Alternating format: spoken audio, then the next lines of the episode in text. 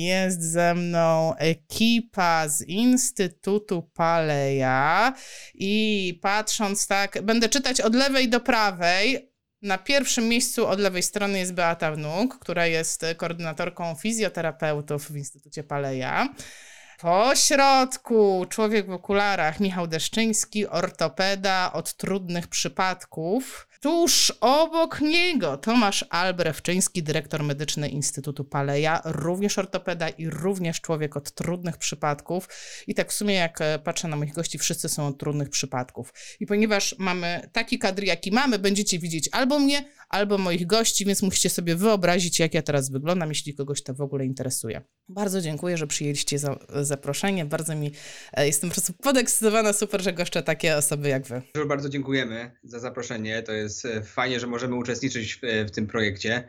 No dla nas, dla doktora Tomasza i, i, dla mnie to jest, że tak powiem, no pierwszy raz e, jakby takie połączenie. Tutaj wiem, że Bata już tutaj jest bardziej weteranką tego typu live'ów, no ale mam nadzieję, że chociaż jakiś my będziemy mogli w sposób się odpowiedzieć na pewne kwestie, pytania i, i, damy się troszeczkę poznać z innej strony, bo chyba tego taki jest cel. Opowiemy tą troszeczkę naszą ścieżkę i historię, jak to się wszystko zadziało, że jesteśmy w tym miejscu, jakim jesteśmy dzisiaj. Ja bym zaczęła od tego, bo to jest. E, ja pamiętam taki moment, na chwilę siebie wrzucę, tak? Ja pamiętam taki moment, w którym Beata mi mówiła: Wiesz co, e, będę pracować w Paleju, będę pracować w Paleju i opowiadała mi różne rzeczy, co tam się będzie działo, jak tam będzie super.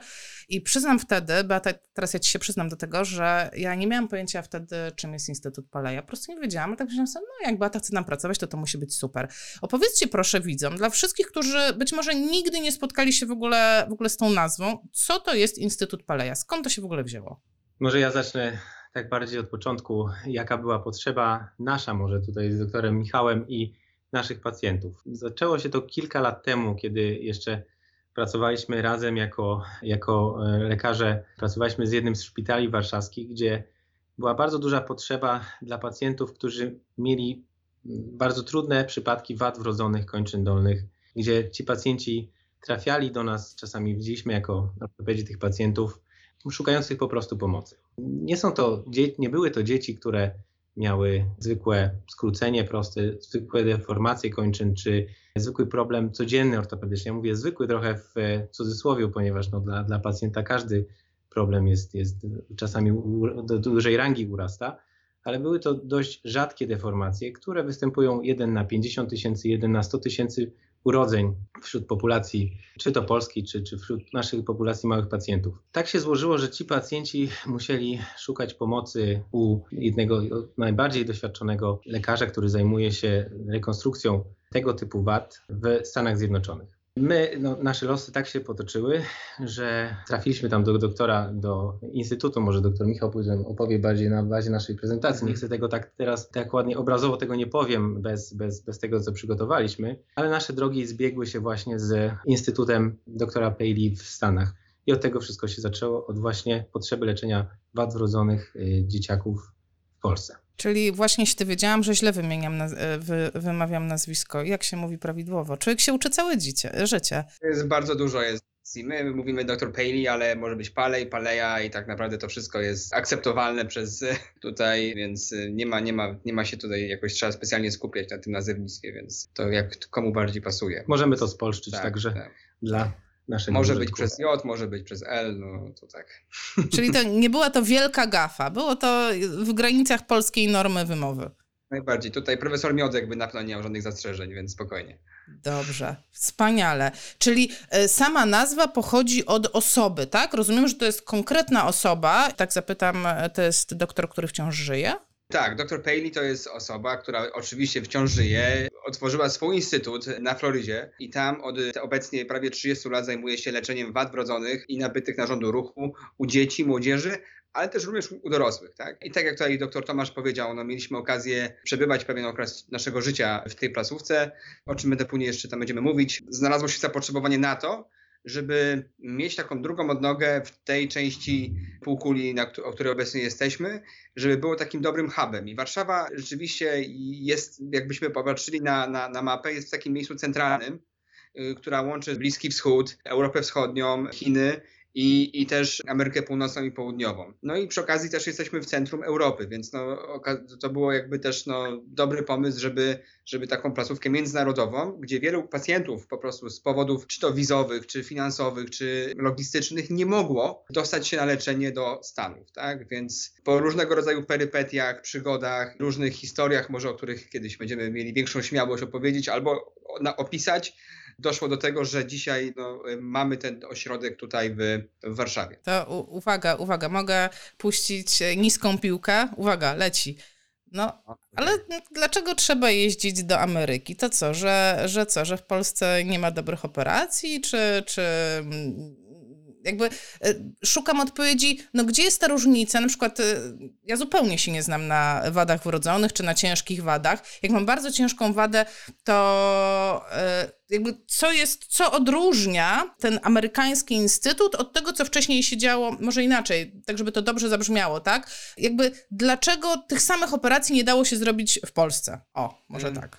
To, to, jest, to jest bardzo dobre pytanie i ono nie jest, nie da się tak zero-jedynkowo na nie odpowiedzieć. Tam wcale nie chodziło może o dostęp do tych operacji i nagle, że tutaj nie ma tych operacji w Polsce.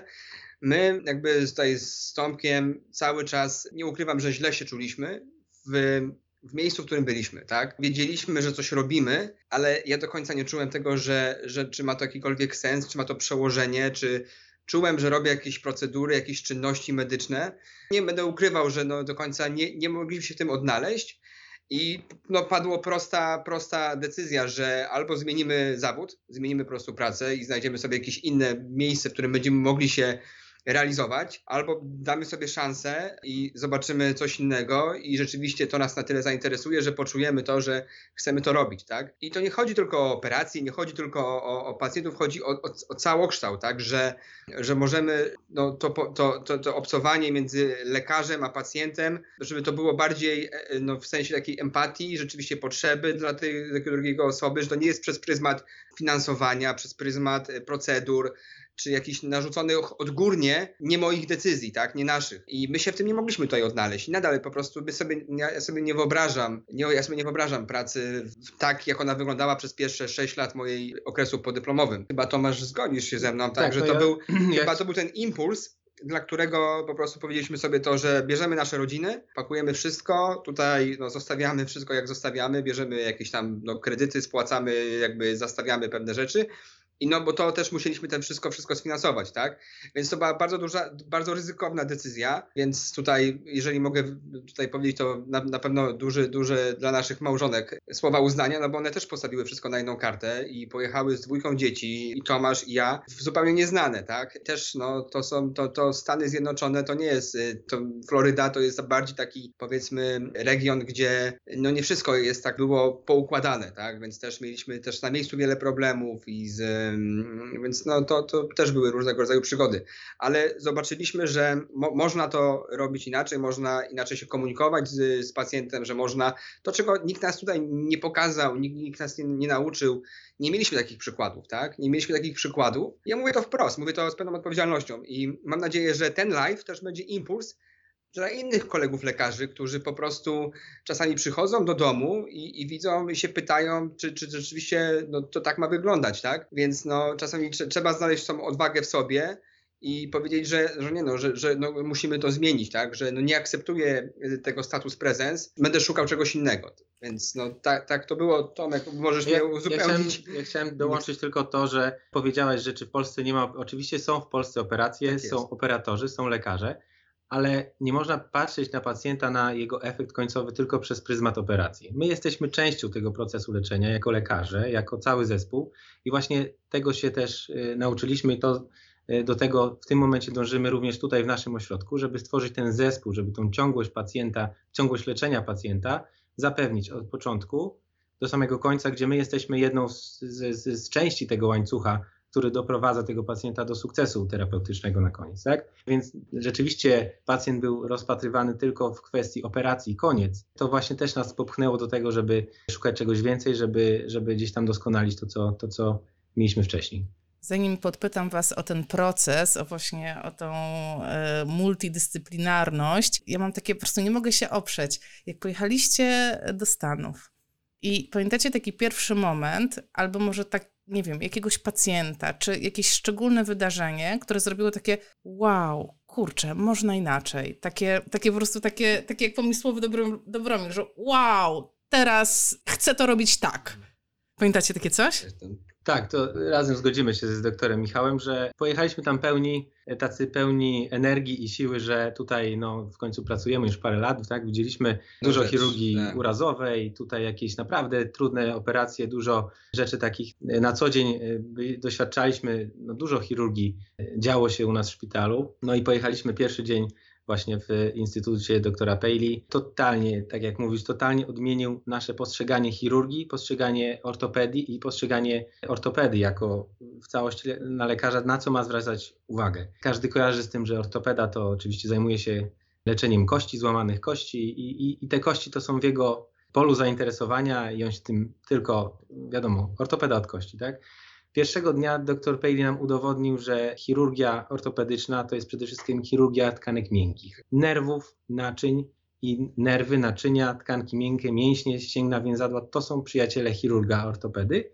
Kości oczywiście, czyli ta przy stolarka tak. przy okazji, i to zajmuje.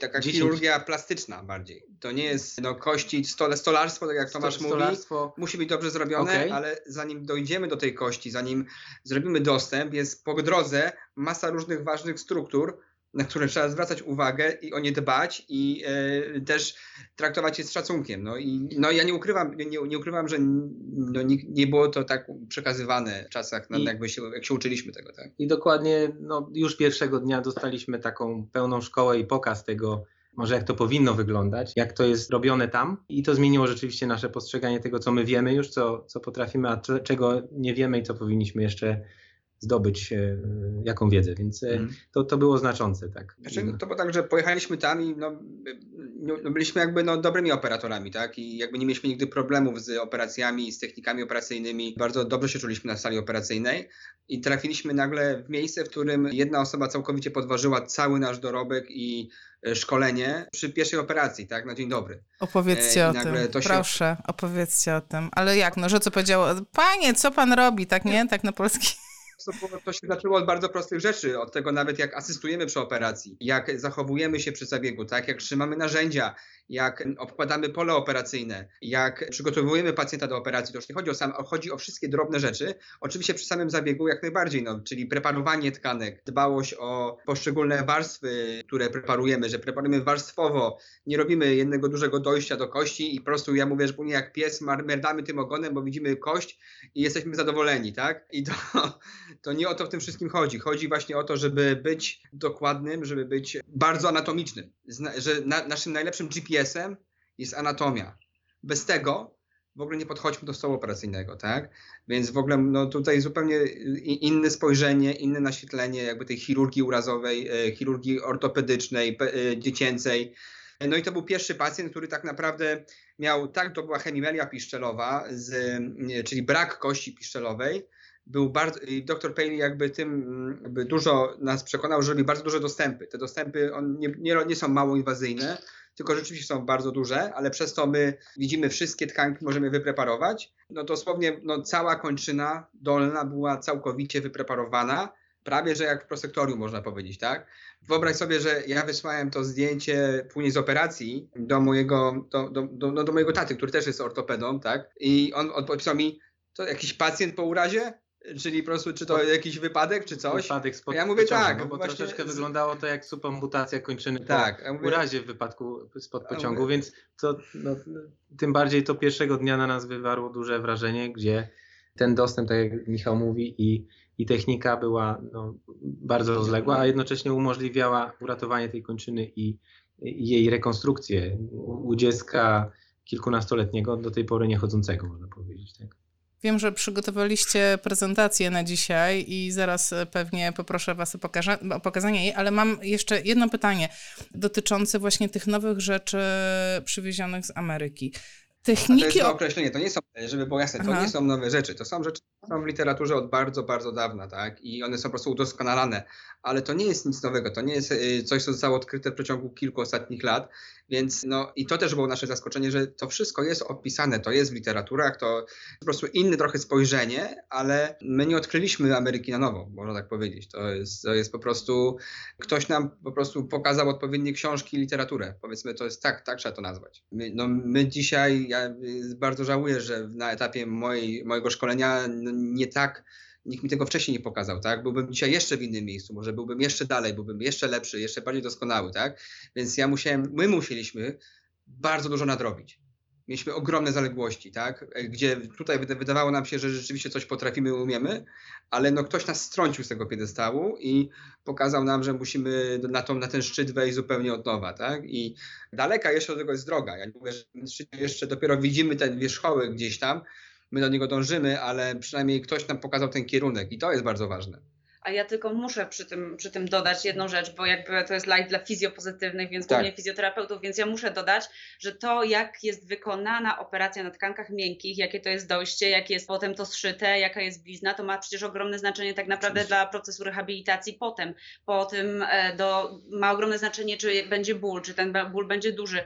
Tak naprawdę ja jestem zaskoczona pracując tutaj, bo oczywiście miałam możliwość zobaczyć taki zabieg, jak to wygląda. On jest naprawdę bardzo robiony z wielką dokładnością i bardzo, bardzo jakby sterylnie pod takim kątem nawet ubytku krwi czy, czy czegokolwiek, to, to ja jestem pod wrażeniem, ale druga rzecz, jeśli ja chcę tego pacjenta szybko zacząć ruszać, no to muszę mieć do tego możliwości. Ja to jestem zaskoczona tym, że na przykład kilka dni po operacji, nawet dużych, rozległych e, cięciach, te dzieciaki na przykład nie prezentują bólu i bardzo szybko schodzą z leków i poniekąd tak mi się wydaje, mi się tak wydaje, mhm. poprawcie mi, jeśli tak nie jest, ale myślę, że to jest właśnie też to, że nawet jeśli chłopaki tam rozcinają, chcą dojść do kości, to oni bardziej odsuwają te mięśnie, a nie przecinają je, czy no, ja do końca nie wiem, jak to się no. robi, ale takie mam poczucie, że ta, to, że ta rana jest tak ładnie zszyta i tak fajnie zaopatrzona, to bardzo mi ułatwia później pracę z pacjentem. No, tak jest, tak jak powiedziałeś Bata, bo my jakby jesteśmy bardzo sterylni dla, dla mięśni, te dostępy są w interwałach, czyli w przegrodach międzymięśniowych i przede wszystkim e, szukamy nerwów tak? Nerw skórny boczny uda, nerw strzałkowy, nerw udowy, nerw kulszowy. My się go nie boimy. To są nasi, tak jak Tomasz powiedział, to są nasi przyjaciele. Zaglądamy, mówimy cześć i później, dobra, do zobaczenia później, tak? Czyli przez to, że jakby uwalniamy ten nerw, nie dochodzi do obrzęku, nie ma tych dolegliwości bólowych i zamiast blokad nerwowych anestezjolodzy, my robimy takie powiedzmy sztuczne blokady w trakcie operacji, gdzie obsujemy z tym nerwem, więc to jest bardzo ważny element, o którym też się nie mówi dużo, ale no nie wiem, tak? To... Dokładnie, także to, to też zmniejszając ten obrzyk nerwu, tak jak Michał powiedział, i odsuwając to, otwierając y, ten dostęp wydaje się może większy, skórny, tak, tak jak Beata powiedziała, że blizna jest ładnie zszyta, ale to nie tylko jest blizna skórna, bo trzeba sobie wyobrazić, że ta blizna skórna to to, co my widzimy, co rodzice widzą i tak dalej na zewnątrz. Jest to jakąś tam wizytówką tego może, co się działo w środku, ale tak naprawdę można więcej szkody narobić i tego problemu wewnątrz tam w mięśniach, niż, niż na zewnątrz tak na, naprawdę bliźnie skórnej, więc to, to nie tylko ta skóra, ale to też co głębiej robimy, tak jak wcześniej powiedzieliśmy, no to, to jest istotne dla, dla tych naszych pacjentów małych. Patrząc na Waszą ekipę, mam taką refleksję, e, może takie pytanie, czy techniki operacyjne były jedyną rzeczą, którą szlifowaliście, czy być może też taki poziom porozumienia pomiędzy członkami zespołu, i nie mam na myśli tylko zespołu lekarskiego, ale właśnie fizjoterapeutów, pielęgniarki, opiekunów i tak dalej. Wiadomo, że w zespole jest zawsze dużo osób i od razu tutaj rzutem na taśmę komunikacja z pacjentem, tak? Bo to są rzeczy, no nie bójmy się tego powiedzieć, które no mogłyby ulec poprawie mm, w wielu miejscach e, w Polsce, tak? To jest, to jest bardzo, bardzo dobre pytanie i rzeczywiście no, zobaczyliśmy, że można likwidować te bariery tak jak tutaj byłaś u nas w, w, klinice, widziałaś, że w naszych gabinetach nie ma w ogóle biurek. Nie ma tych barier między pacjentem, między lekarzem, między terapeutą. Staramy się po prostu, no, żeby, żeby ta wizyta była no, takim no, ciepłym epizodem dla, dla tego małego czy dużego pacjenta, że, że no, jesteśmy tutaj po to dla niego, tak? żeby się pochylić nad jego problemem i jak mamy my wszyscy tutaj rozwiązać ten problem, tak? I to jest bardzo ważne, że to jest to podejście zespołowe. Staramy się mówić e, tym samym językiem do pacjenta. Nie jesteśmy alfą i omegą i mówimy często, że nie wiem, że jest problem, że jest powikłanie, że ale poradzimy sobie z tym, że no, mamy na to rozwiązanie, czyli jakby staramy się być, no, nie mieć żadnych, jakby to nie, nie kamuflować niczego, tak? I rzeczywiście tego, jeżeli mamy tą otwartą komunikację z, z rodziną i, i z pacjentem, to no też to wzbudza jakieś zaufanie, tak? No bo tych operacji nie da się zrobić bez zaufania. No, tu musi być zaufanie po obu stronach, to jest najważniejsze. No i też na pewno, że y, ten, to jak rozmawiamy w zespole, że, że każda osoba od technika radiologii po y, lekarza, po opiekuna medycznego, no jest ważna w tym procesie, tak? No bo, no bo każdy musi jakąś cząstkę swoją włożyć w ten cały proces leczenia a tym, żeby mieć ten wynik. A ten wynik tak naprawdę to jest to, na co my tutaj stawiamy. To jest po prostu, to jest to, na czym nam najbardziej zależy i choćby największym wysiłkiem, ale chcemy uzyskać jak najlepszy efekt, jak najlepszy wynik, żeby, żeby pacjent odczuł korzyść z tego leczenia. Nie zawsze to się udaje, są problemy, mówimy o tym głośno, zawsze mówimy, jakie mogą być tutaj jakieś przeszkody przed tym, ale no, czasami trzeba zrobić krok do tyłu, żeby pójść krok, dwa kroki do przodu, tak? Więc, ale to jest wszystko proces. I, i, I tego się na pewno nauczyliśmy, że jesteśmy bardzo, bardzo otwarci.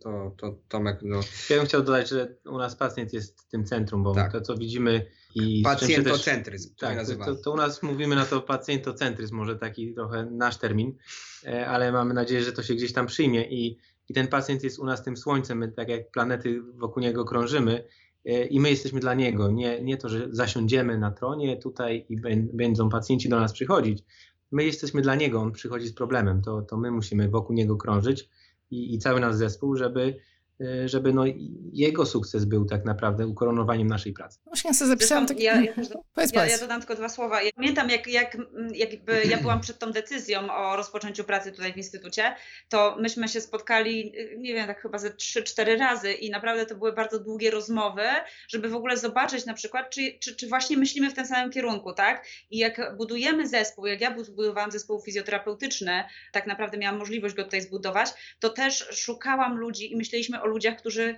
faktycznie mają podobne takie ideały i wartości jak my. I, i żeby faktycznie dążyć do tego, co, co, co gdzieś tam mamy z tyłu głowy, tak, że, że ten pacjent, my musimy jego problemy rozwiązywać i tak naprawdę dążyć do tego, żeby on osiągnął właśnie to, to jest to ma być jego sukces, nie nasz. Na przykładzie mózgowego pola dziecięcego, ja to zawsze mówię rodzicom, y, mówimy, że tak naprawdę my w tym całym procesie leczenia jesteśmy tylko technikami. My mamy zrobić jedną rzecz, mamy zrobić dobrze zabieg i zakwalifikować pacjenta i go dobrze zrobić. I to jest tylko jeden z wielu elementów. I tak naprawdę cały ten proces operacyjny jest, nawet czasami mówię, że jest mniej ważny niż to, co się dzieje po operacji i przed operacją. Tak? My tych operacji bez y, tutaj y, pomocy terapeutów w ogóle byśmy ich nie robili, bo to byłoby szkoda wysiłku, wszystkiego, bo efekty nie byłyby po prostu dobre. I, i to, to są dwa nieodzowne elementy. Tak?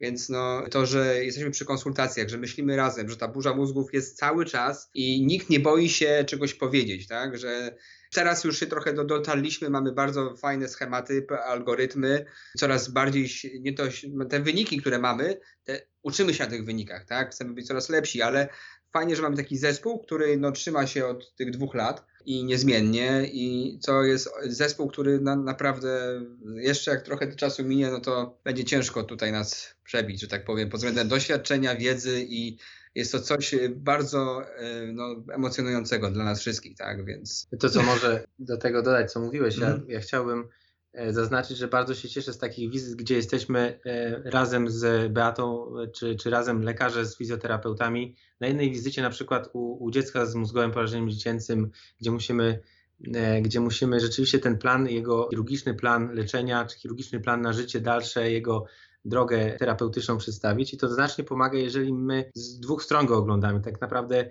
analizujemy go z kilku kamer, można powiedzieć. Okiem chirurga, okiem fizjoterapeuty, tak? I, i wtedy mamy dopiero takie pełne spojrzenie. Tak jak widzicie analizy chodu, mamy kilkanaście kamer, tak? Każda kamera musi widzieć pacjenta z innego profilu, tak, tak my oddzielnie chirurdzy tutaj, oddzielnie terapeuci widzą to i dopiero to łączymy, dajemy pacjentowi taki pełen plan, można powiedzieć, e, chirurgiczny na życie dalsze. Ale musimy się przyznać, że, że to było tak na początku, że naprawdę trzeba było się dość mocno zgrać i wiesz, mhm. myśmy chodzili nawzajem do siebie na konsultacje i badaliśmy, na przykład, nie wiem, ja, ja badałam pacjenta, następnym razem któryś z lekarzy badał pacjenta, żeby e, jakby zwalidować, czy żeby, żeby te nasze tak. wyniki, żebyśmy robili, mówili wspólnym językiem, tak? Bo wszystkim nam się wydaje, że znamy test Tomasa albo tam, nie wiem, kąt podkolanowy tak, umiemy zmierzyć, dokładnie. a nagle się okazuje, że trochę inaczej to no. robimy, tak? Więc trochę nam czasu zajęło, zanim to wszystko zaczyna wyglądać tak, tak co, samo. Co, co, co, to jest extension lag, tak? tak Do dzisiaj tak. nie możemy tego znaleźć polskiego zamiennika, po prostu już weszło w nawyk mamy extension lag i już wszyscy tutaj wiedzą, co jest extension lag. No to teraz tak, musicie powiedzieć no, wszystkim. To teraz, no przepraszam, to już teraz musicie powiedzieć wszystkim, czym jest extension lag. No, no to nie było moje pytanie. Extension lag jest to brak aktywnego wyprostu kolana spowodowany zaburzeniem e, mechanizmu wyprostnego. Czyli najpierw badasz pacjenta, ile prostuje staw klonowy, potrafi zrobić to biernie. Tak. A później prosisz, żeby zrobił to czynnie, tak? tak. I ta różnica, różnica między pomiędzy. uzyskaną wartością bierną a czynną jest tą różnicą właśnie extension lag, tak? I, i to jest bardzo ważne, pokazuje nam jakby tutaj y, funkcję aparatu wyprostnego, tak? Mięśnia czworogłowego, rzepki i nie tylko bardzo przydaje się w, w neuroortopedii, ale też szalenie jest ważne w wadach wrodzonych, czy nawet, nawet powiem do plastyce, tak samo jest ważne, tak? I, i to, to ma swoje wszędzie zastosowanie. Zdradźcie y, jakiś smaczek. Pokłóciliście się kiedyś? Nie wiem, na przykład, y, nie wiem, o test Tomasa. To by było po prostu grubo. Nasze... Dzisiaj jest... No wiadomo, znaczy, jeżeli w grę wchodzi ludzkie zdrowie, no to wchodzą też w grę ogromne emocje. No nie da się tego ukryć, tak? A szczególnie, że tutaj nam naprawdę zależy bardzo na pacjencie. Każdy z nas czasami inną drogą dochodzi do tego, tak? I nie zawsze spotykamy się e, po środku, ale mamy to, przyświeca nam ta sama idea, tak? Więc e, no, początki były, wiadomo, no, każdy zespół musi się dotrzeć, każdy zespół musi się poznać. Mamy też, to problem jest taki, że jesteśmy bardzo, mamy no, dużo obowiązków, tak? I nie, czasami nasza asertywność, przynajmniej moja asertywność, której nie mam w ogóle, przeszkadza w tym, no bo mówię, że coś zrobię, później tego nie robię, tak, i później jedna osoba się denerwuje, więc to są bardziej kwestie, że nam bardzo chcemy, żeby było dobrze, ale no, no, nie, jesteś, nie jesteśmy w stanie podołać temu, tak. Doba ma tylko 24 godziny niestety. Ale my się nie kłócimy, to jest nie. możliwa wymiana nie, tak. informacji, tak. jakby zdań. Jakoś tak nie możemy się rozejść bez porozumienia, także tak, to gdzieś tam o, zawsze właśnie, kończymy. Tak jest kończymy konsensusem jednym. Czyli rozumiem, czy uwaga, no kolejne trudne pytanie, czy może być tak, e, bo to jest zawsze dla fizjoterapeutów, no jest to takie wyzwanie, rozmowa z lekarzem. Wiem, że wielu fizjoterapeutów ma taki kłopot, że rozmawia z lekarzem, rozmawia, rozmawia i nawet jak umie się podeprzeć badaniami naukowymi, wytycznymi, no to z drugiej strony zawsze jest ten autorytet i wiadomo, że jednak lekarz zawsze ma rację. No i kto ma rację w paleju? Ktoś odważy powiedzieć? Ja, ja mogę spróbować, e, bo, bo to, to nie jest tak, kto ma rację. Każdy ma swoją działkę, w której jest jakimś tam autorytetem. No wiesz, ja nie mogę się wypowiadać w sprawie ortopedii, w sprawach operacyjnych, bo nie mam o tym, no małe mam o tym pojęcie w porównaniu do, do, do lekarzy. Natomiast no też tak samo nie chcę, żeby oni się wypowiadali w sprawie rehabilitacji. I to jest mo moja działka i tutaj ja mam zawsze rację, tak? W sprawach medycznych oni zawsze mają rację, w sprawach rehabilitacji mm. ja mam zawsze rację. No tak jest. Natomiast, natomiast, co jest istotne, to musi być taka nić porozumienia między nami, że jeśli ja dostaję zalecenia od lekarzy, no bo my jesteśmy fizjoterapeuci niezależnym zawodem medycznym, jesteśmy. Jeśli dostaję teraz e, zalecenia, że pacjent jest po operacji takiej, takiej i takiej i nie może robić tego i tego ruchu, nie może obciążać, no to moją odpowiedzialnością, przynajmniej ja to tak traktuję, jest zbudowanie programu rehabilitacji na bazie mojej wiedzy.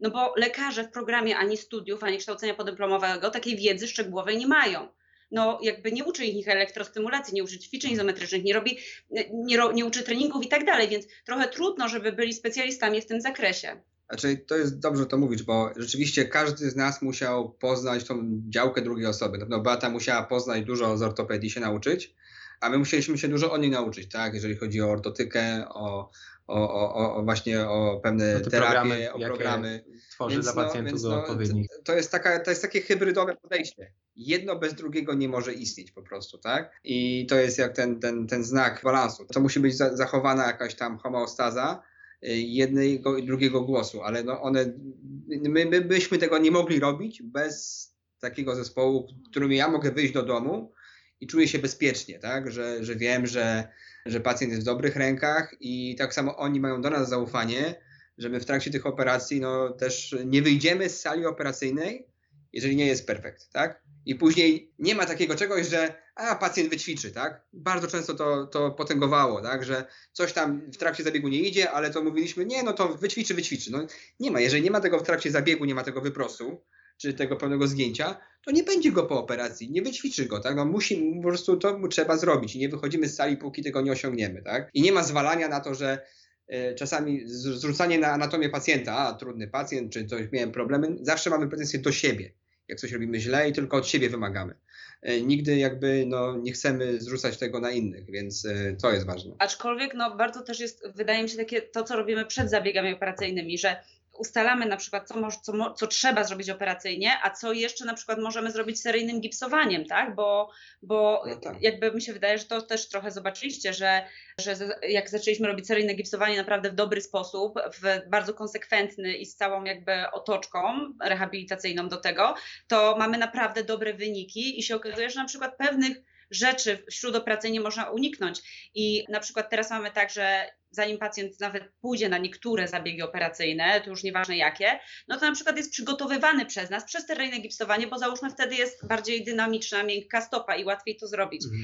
No i też jeszcze wracając do tego, co pytałaś, kto tam ma rację, mi się wydaje, to, to nie o to chodzi. To chodzi też o to, żeby, żeby ktoś umiał mi zwrócić uwagę, a ja żebym umiała to przyjąć, tak, tą informację, bo może ktoś spojrzy innym okiem, świeższym spojrzeniem i tak dalej. My mamy co tydzień odprawy i jakby dyskutujemy na temat pacjentów, i każdy ma prawo powiedzieć swoją opinię i naprawdę czasami zmieniamy zdanie po prostu, no bo to, to chyba o to chodzi w pracy w zespole. Znaczy u nas też jest tak fajnie, że jesteśmy trochę z dwóch światów, bo my pojechaliśmy do Stanów w jednym celu, nauczyć się leczenia wad wrodzonych narządu ruchu, tak?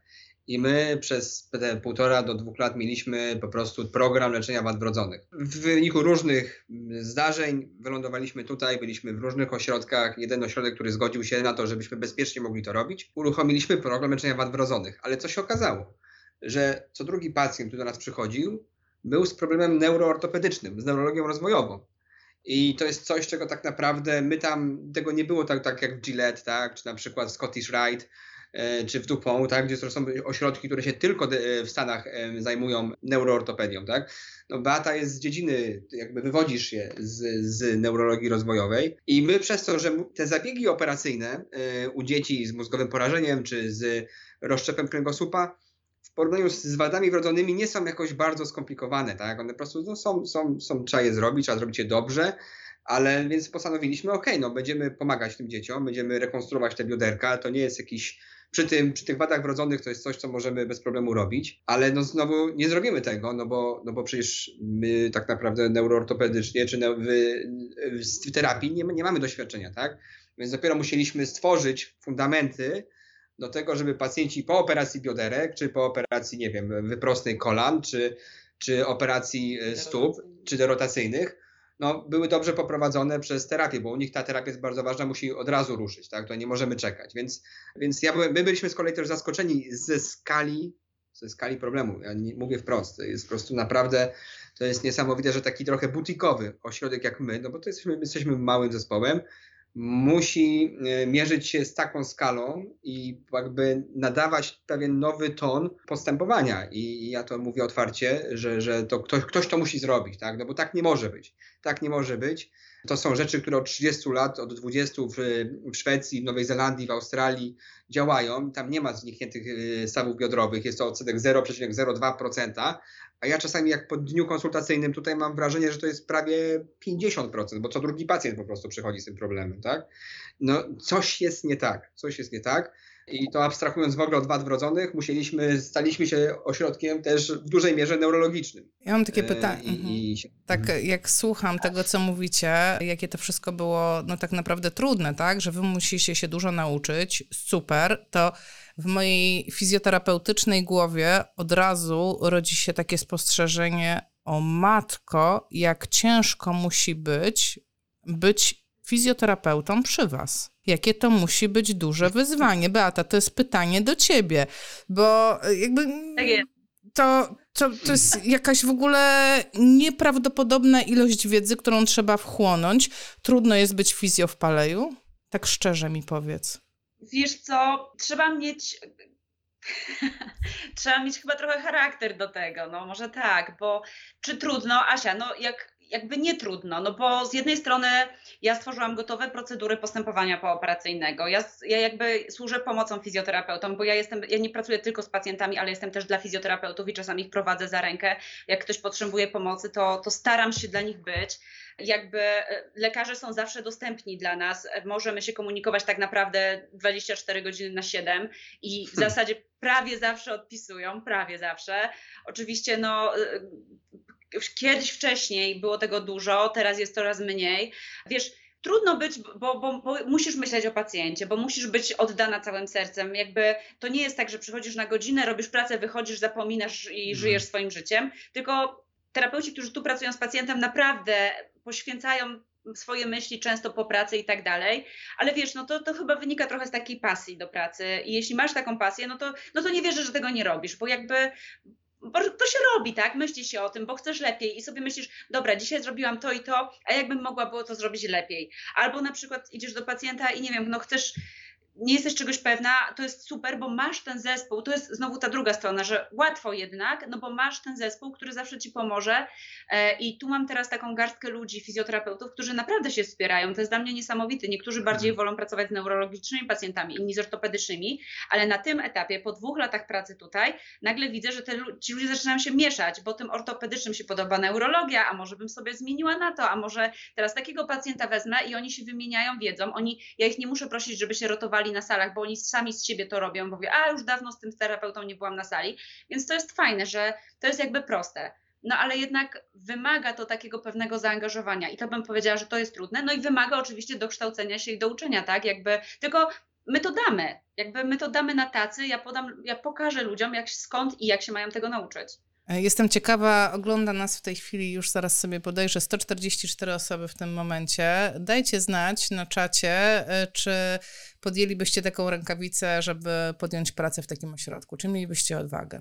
Przyznam, że ja bym się na przykład trzy razy za, za, zastanowiła. Najpierw bym poprosiła uniżenie o staż trzy miesiące, żeby popatrzeć, bo w ogóle wstyd wejść na salę inaczej ale troszkę mamy właśnie taki system, że osoba, która ma u nas pracować, to najpierw jest normalnie zatrudniona e, jako taka pomoc fizjoterapeuty, a dopiero potem tak. zostaje tym fizjoterapeutą. Oczywiście na początku musiałam przyjąć pewne osoby już z doświadczeniem, a w tej chwili robimy to w ten sposób, żeby to był jednak ten staż i takie kilkumiesięczne wprowadzenie. Natomiast jedna rzecz, ta rehabilitacja pooperacyjna sama w sobie, ona nie jest trudna bo, bo de facto trzeba zapobiegać sztywności, trzeba robić biegnny zakres ruchu, w pewnym momencie wprowadzić elektrostymulację, żeby zapobiegać zanikom mięśniowym, e, trzeba gdzieś tam w którymś momencie wprowadzić pionizację, najpierw bierną, bierną potem bardziej czynną i tak dalej, i tak dalej, więc to nie są bardzo trudne rzeczy, natomiast mogą być bardzo stresujące, mhm. bo to jest często pacjent pooperacyjny świeży, rodzice są przerażeni, e, dziecko jest czasami bólowe, bo na przykład, nie wiem, trochę inaczej reaguje, na te, na te leki, więc to my musimy zło, zło, zgłosić z kolei do zespołu lekarskiego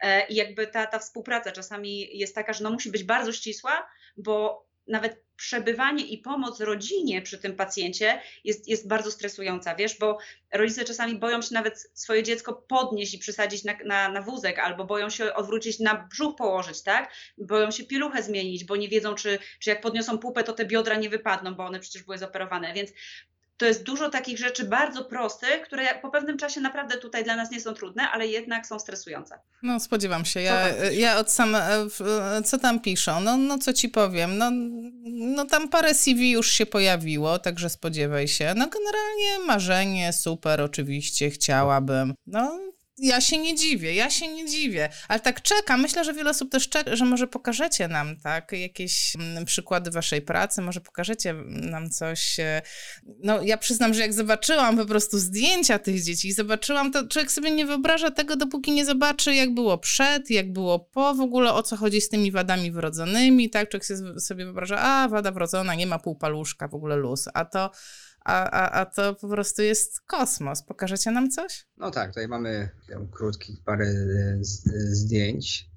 Powiedz mi, czy widać? Widać. No wszystko zależy się od tego, tak jak mówiliśmy, tak, że tutaj mieliśmy okazję wyjechać na staż, tak zwany e, fellowship, czyli po specjalizacji wybieramy sobie nadspecjalizację, czyli jakby jesteśmy specjalistami z ortopedii i traumatologii, ale w ramach tego jeszcze mamy tak zwany fellowship, czyli wybieramy dodatkową specjalizację i w tym przypadku była ortopedia dziecięca. Pozytywne to było wszystko to, to że mogliśmy się normalnie myć do operacji, tak? I trochę szef przymykał oko, Wiadomo, jak tam to, to z, tym, z tym egzaminami nie jest tak łatwo, więc no, mogliśmy się myć i asystować i też być przy każdym zabiegu. To nie było tak, że to oglądaliśmy na jakichś kasetach wideo czy, czy filmach. Tutaj widzimy doktora Tomasza przed wejściem do szpitala, charakterystyczny miś, to był szpital się nazywał e, West Palm Beach Children's e, St. Mary Hospital. No i szereg ludzi, których tam poznaliśmy, tak? E, dr Craig Robbins, Aaron Huser, dr Schillero, pacjenci, no i naszych dwóch mentorów, dr David Feldman, który jest specjalistą, specjalizuje się w chirurgii kręgosłupa i w neuroortopedii oraz oczywiście tutaj dr, dr Dror Paley. I powiem szczerze, że początki nie były takie wesołe, gdyż tak naprawdę nawet chyba, Tomasz, to ty możesz to opowiedzieć, tą historię. Kiedy odnośnie tego zdjęcia tutaj, tak. tak które widać. No, y, nie było łatwo, ponieważ no, dr Paley w pędzie swojego codziennego dnia i, i swojego codziennego życia w natłoku tam e, tych fellowów, czyli lekarzy, którzy przyjeżdżali do niego na odbyć taki właśnie staż, no czasami nie zauważał takich, którzy gdzieś tam się pojawią z odległego kraju, na przykład Polska. Tak, Więc, no, dzień dobry to na pewno nie mówił. Dzień dobry nam nie mówił.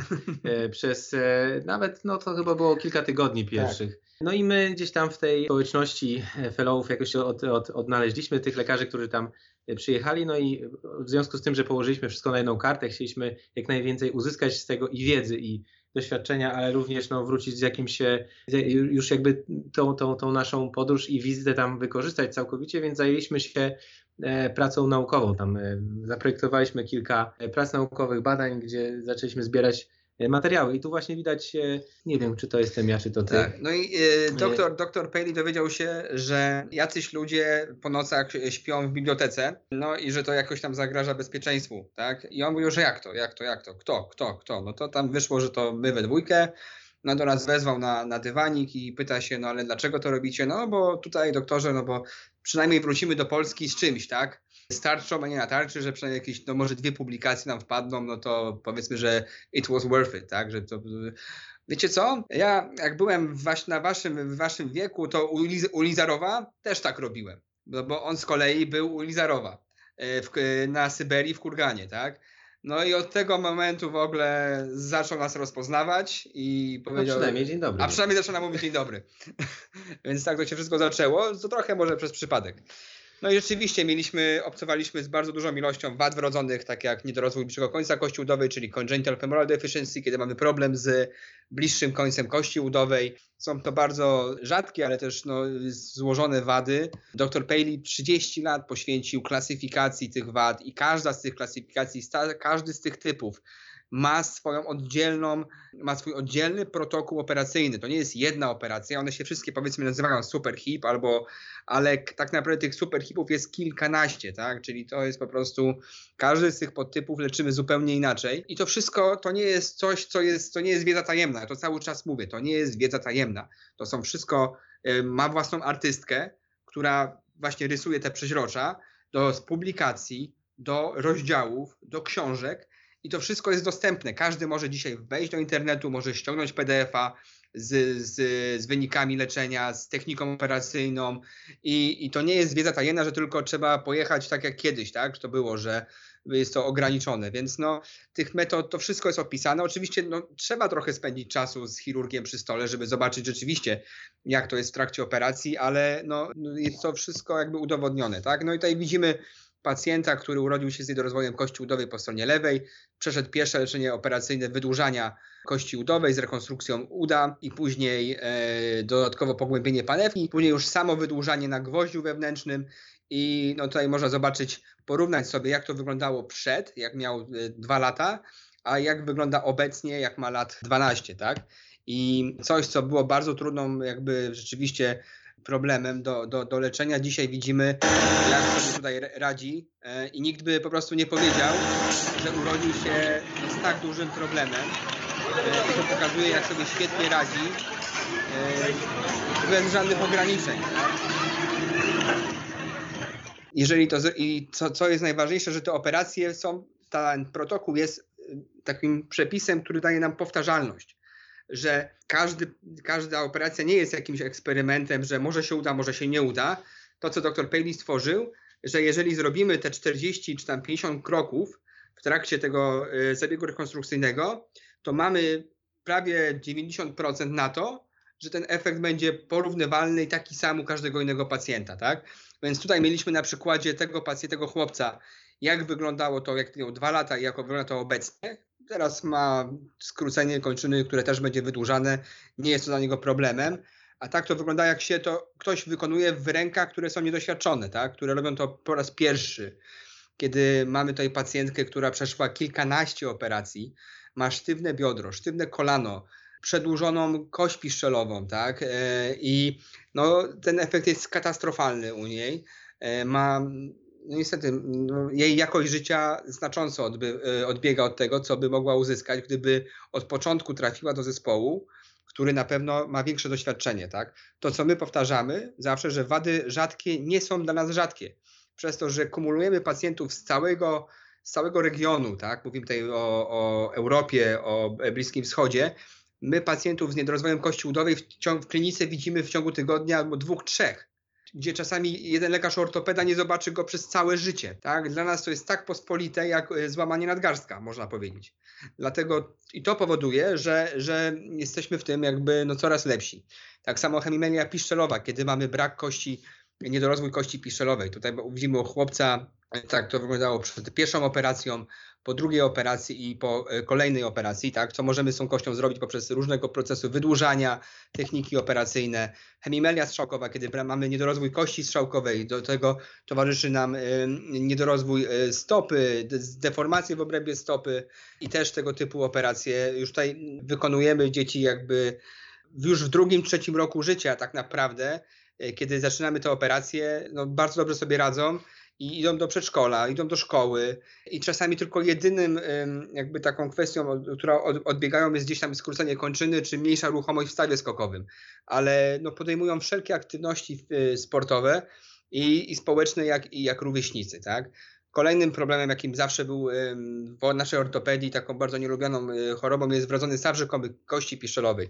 Kiedy dziecko rodzi się już z, ze złamaną kością piszczelową y, i ona jest na tyle złośliwa, że to złamanie się nie chce wygoić. To przechodzi przez kilka, kilkanaście operacji, które i później w wieku już dojrzałym kończy się amputacją, bo już jest zmęczone tą ciągłym, tymi ciągłymi operacjami. W tym momencie robimy zabiegi operacyjne, które przy jednej operacji można powiedzieć, że dają gwarancję, i to mówię też z odpowiedzialnością, gwarancję, że nie dojdzie do tego złamania i, i, i dziecko jakby funkcjonuje przez cały okres swojego rozwoju. Tak? Tutaj widzimy właśnie, jak masywne są to deformacje i, i, problemy. E, wrodzony brak kości promieniowej, tak, też duży problem. Bardzo dużo tych operacji robimy. Tutaj dr Paley nawet udoskonali, udoskonalił z naszym zespołem y, tą operację. Mamy w tym momencie tak zwaną trzecią generację, to jest publikacja na ten temat. Każdy tą publikację może sobie y, ściągnąć z, z czasopisma, czasopisma Children. Y, jest to tylko i wyłącznie na pacjentach operowanych w naszym ośrodku i tak to wygląda przed i po zabiegu rekonstrukcja tych deformacji. Nie zapominajmy też o tym, że operujemy pacjentów dorosłych, tak? Wykorzystujemy te same techniki wydłużania kończyn, rekonstrukcji, tak jak u tego pacjenta, któremu po kilkunastu operacjach powiedziano, że tak naprawdę to już jest maksimum jego możliwości i powinien się cieszyć z, z, z tego efektu, który ma. Oczywiście ten efekt jest bardzo niezadowalający, tak? Widzimy dużą szpotawość kończyny, skrócenie, dolegliwości bólowe. I to, co my tutaj wykonujemy, to są właśnie te transporty kostne, kiedy bardzo agresywnie leczymy te stawy rzekome, usuwamy w całości kość i transportujemy ją, tworząc nową kość. E, I e, tak to wygląda po leczeniu operacyjnym. Tak? Pacjent wraca do swoich ról społecznych, ról zawodowych, rodzinnych e, i, i no, to było roczne leczenie, ale, ale no widzimy, że ten efekt został jakoś tam uzyskany, więc no na razie oby tak trwało. I to, z czego jesteśmy bardzo dumni, bo rzeczywiście to jest coś, czego no nie do końca się nauczyliśmy w Stanach i nie mieliśmy dużo jakby tutaj styczności z neuroortopedią, ale ten wymóg naszych pacjentów, tak, i ten problem, i tam, ten, ta skala problemu wymusiła nas na tym, że, że musimy jakby rozwinąć ten dział, tak, że no nie możemy y, pozostawić y, pacjentów z tymi bioderkami zwichniętymi, z tą jakością życia, ze skoliozami, no bo to są, sama wiesz, jakie to są tragiczne po prostu w skutkach efekty, zaniechanie leczenia e, tych małych pacjentów, tak? Więc no to, co widzimy ten obraz na co dzień. obustronne zwichnięcie stawów biodrowych bez wcześniejszej profilaktyki w postaci derotacji, przodopochylenie miednicy, przykurcz zgięciowy w biodrze. Więc no to, co robimy, no to są zabiegi obustronnej rekonstrukcji stawów biodrowych z wykonaniem e, osteotomii potrójnej, gdzie możemy bardzo masywne zrobić rekonstrukcje e, dla panewki E, I tak naprawdę nie ma tygodnia, żebyśmy e, chyba dwóch takich operacji nie robili. Hmm. Rzeczywiście teraz robimy bardzo dużo tego typu zabiegów rekonstrukcyjnych w obrębie bioder. To, co jest ważne, że nasi, nasi pacjenci nie mają żadnych e, opatrunków gipsowych, że tutaj Beata jakby uruchamia ich od razu po zabiegu, mają ćwiczenia bierne. Bardzo szybko zaczynamy z, z pionizacją. No i nawet w tak dużych dysplastycznych, już to jest, to, jest, to jest nastolatek, on ma 16 lat, gdzie każdy by już tak naprawdę mm, decydował się o e, wykonaniu zabiegu endoprozoplastyki stawu biodrowego, e, czy usztywnieniu biodra, też decydujemy się przy tych masywnych rekonstrukcjach ostotomii potrójnej na rekonstrukcję tego typu e, stawów. I tak jak mówię, no mamy bardzo dużo przypadków klinicznych. To, co tutaj wykonujemy, to jest właśnie to, że ta ostotomia potrójna daje nam możliwość na bardzo masywną, e, e, redirekcyjną zmianę położenia e, tej panewki i zwiększenia stabilności tego stawu, że on nie będzie, nie będzie dochodziło do, do, do zwichnięć. Tak? I tu już kolejne przypadki. No i to, co wszystko jest ważne, to co jest naokoło tego zabiegu. No ten zabieg musimy zrobić dokładnie, ale to, że stosujemy opatrunki ciśnieniowe, tak, takie, które powodują, że e, obrzęk się zmniejsza, że jest mniejsze ryzyko infekcji, że blizna wygląda dużo lepiej, że dolegliwości bólowe są dużo mniejsze, tak. Czasami te dostępy są naprawdę bardzo rozległe, ale no to się goi, to są szwy wchłanialne, których nie zdejmujemy, nie traumatyzujemy dzieci, tak. E, staramy się, żeby te wizyty pooperacyjne były były no jakoś tam, no wiadomo, nie mogą być, to nie są jakieś super przyjemne doświadczenia, ale jeżeli możemy w jakikolwiek sposób zminimalizować ten stres, te obawy, mamy cały czas bajki, mamy muzykę, no to jakby staramy, ja, ja zawsze z doktorem tutaj Tomkiem i, i też z Batą chcieliśmy stworzyć miejsce, gdzie dzieci będą chciały przychodzić, a nie będą musiały. I mi się wydaje, że gdzieś tam po części to chyba jakby uzyskaliśmy, mamy e, animatorów i to są rzeczy, to nie to, że my to wymyśliliśmy, to po prostu to zrobiliśmy robiliśmy kopiuj w klej, tak jak to wygląda w Stanach, tak, że to jakby to jest terapia przez zabawę, tak, przebieranie się, no musimy się więcej przebierać, za mało się, muszę, teraz przypomniałem, musimy to wprowadzić, ale są takie fun Fridays, y, piątek z pizzą, czy tego typu rzeczy, które tam bardzo fajnie funkcjonowały, bo te dzieci się ze sobą świetnie jak to się nazywa, integrują, tak? Każdy, ten ma aparat zewnętrzny, ten ma aparat zewnętrzny, ten jeździ na wózku, ten jest w trakcie terapii, one się też, to jest taka też no, grupowa tak by terapia tych, tych, tych dzwon, pacjentów. Dzwon. I, i tak, a i tutaj jeszcze ważna jest kwestia, że mamy dzwon, nie mam zdjęcia akurat tego dzwona, gdzie każdy pacjent po zakończonej terapii musi zadzwonić i ogłosić wszystkim, że zakończył e, rehabilitację i jedzie do domu i wszyscy bijemy mu brawo na stojąco i motywujemy go tym i dziękujemy za jego ciężką pracę. No to jeszcze wracam tutaj do unieruchomienia po to, co wprowadziliśmy, to są te takie pianki e, do pozycjonujące, rozpórki, więc to, to mm, przeszkolenie rodziców, no cały nadzór tutaj sztabu naszego wczesny ruch, wypożyczamy szyny CPM do domu, tak, żeby, żeby zachować ruchomość w stawie i to troszeczkę rozluźnia te dzieci. Bardzo lubią te szyny CPM. E, elektrostymulacja, czyli to wszystko, co się dzieje po zabiegu, tak, to, to jakby, tak jak mówię, my nie jesteśmy lekarzami, jesteśmy technikami. Mamy zrobić dobrze operację technicznie i zawsze się śmieję z tego, ale coś w tym jest. I tak samo dr Molenars, czyli nasz taki me mentor i guru, e, którego poznaliśmy dzięki Beacie, mówi dokładnie tak samo, tak? I, i, I po prostu no, to jesteśmy tylko jednym elementem, jeżeli chodzi o neuroortopedię, która musi zaiskrzyć, tak? No i przede wszystkim no, nasi pacjenci, to po to tutaj jakby nas uskrzydlają te wizyty e, kontrolne, jak widzimy efekty, jak, jak się rozwijają.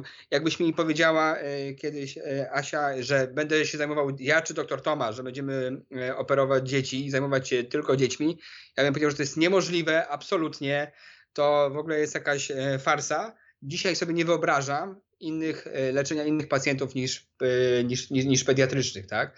Oczywiście no, ratujemy te kończyny u dorosłych, ale no, dzieci skradły nasze serce, jesteśmy dziecię, dziecięcymi i dziecinnymi ortopedami, tak, którzy tutaj i to, że jak widzę, ile dają z siebie wysiłku, to ich hartuje, wygrywają różnego rodzaju konkursy i, i, i to też jakby dla nich to jest taka stymulacja przez życie, że nie jest im łatwo, mm, ale to jest, tak, to jest coś, co, zyska, co będzie procentowało w przyszłości.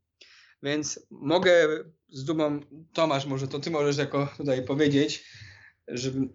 Powiedz już do końca, przedstawiłeś. że, że mieliśmy, jakby jest jeden ośrodek taki deformacyjny, tak, to, to jest oczywiście Floryda, ale mogę dzisiaj z dumą powiedzieć, że mamy drugi ośrodek w tej części Europy, jakim jest Warszawa, gdzie wykonujemy te, operacje z takim samym wynikiem leczenia, e, i e, no, no to jest, to trwało, to trwa cały czas, bo tutaj jakby jest to proces, ale no jest to duże osiągnięcie wszystkich, całego naszego zespołu pracy, e, administracji i szpitala, w którym pracujemy, że, mo że mogliśmy to zrobić. I taka, takie przesłanie może na koniec właśnie właśnie tych dwóch panów zostało Nagrodę Nobla za to, że to jest ten efekt Dunninga-Krugera, zjawisko psychologiczne, która mówi nam o tym, że osoby, które są niewykwalifikowane w jakiejś dziedzinie, mają tendencję do przeceniania swoich umiejętności, a osoby, które są wysoko wykwalifikowane, zaniżają swoje umiejętności, tak?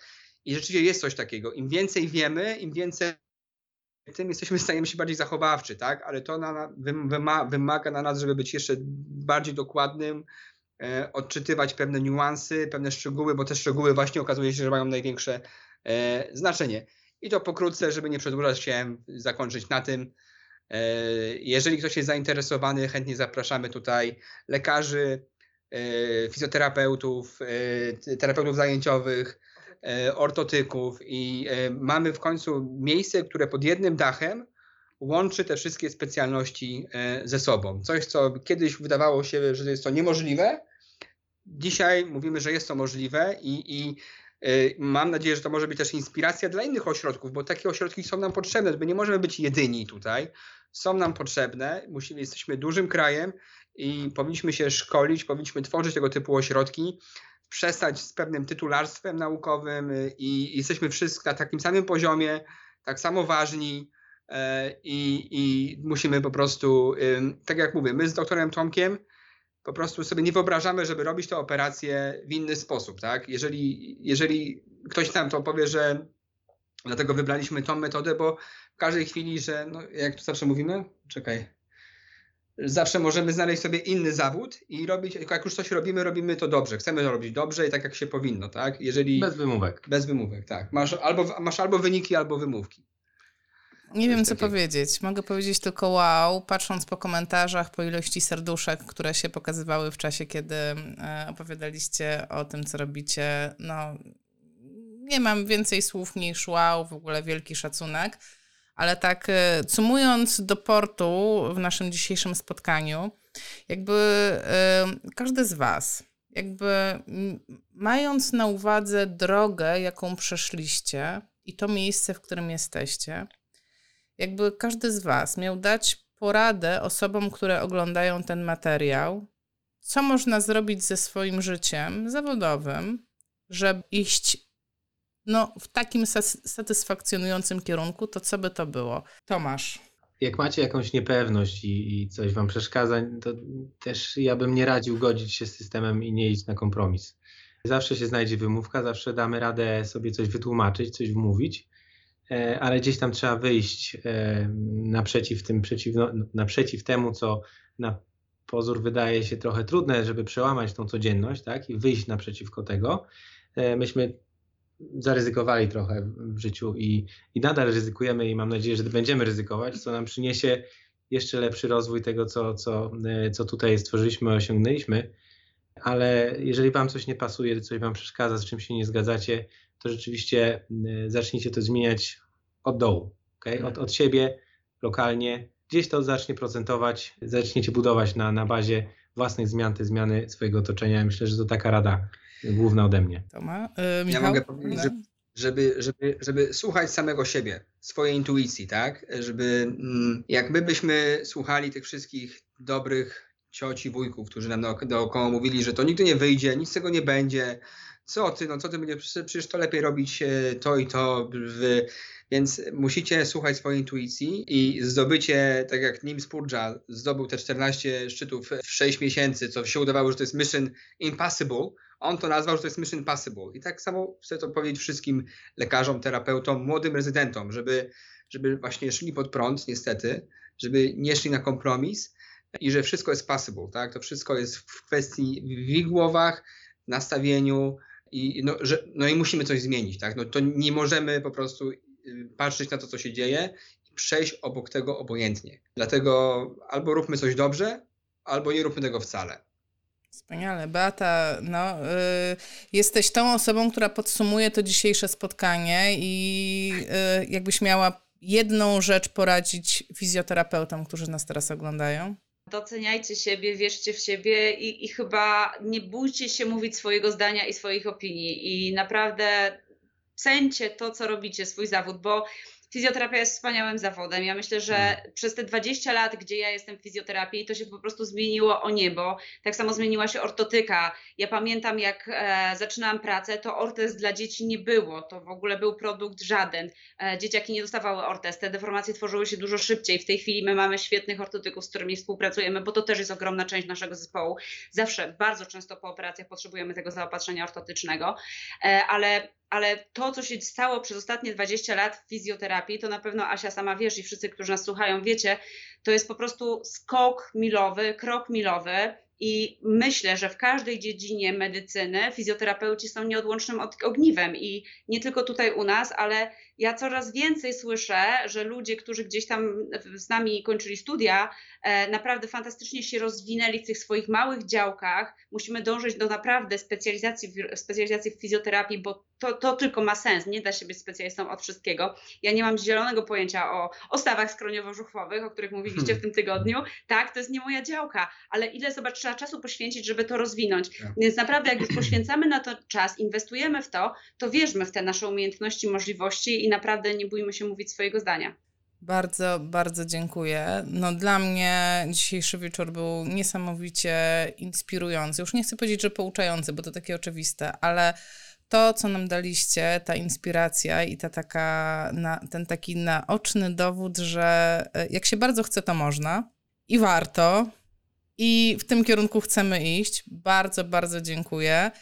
E, I cóż, czas iść spać, a wszystkim, którzy nas dzisiaj oglądali, dziękuję, że poświęcili czas na nas. E, zachęcam Was do przeczytania komentarzy. Jak skończymy live, e, wszystkie są e, zachwycone, tak bym powiedziała, zachwycające. Jeszcze raz, bardzo, bardzo dziękuję. No, dziękuję bardzo, no było nam bardzo miło. No, mam nadzieję, że tutaj jakoś podołaliśmy poziomowi e, Twoich live'ów i może to nie było tak jak wczorajsze Oscary z naszej strony, ale.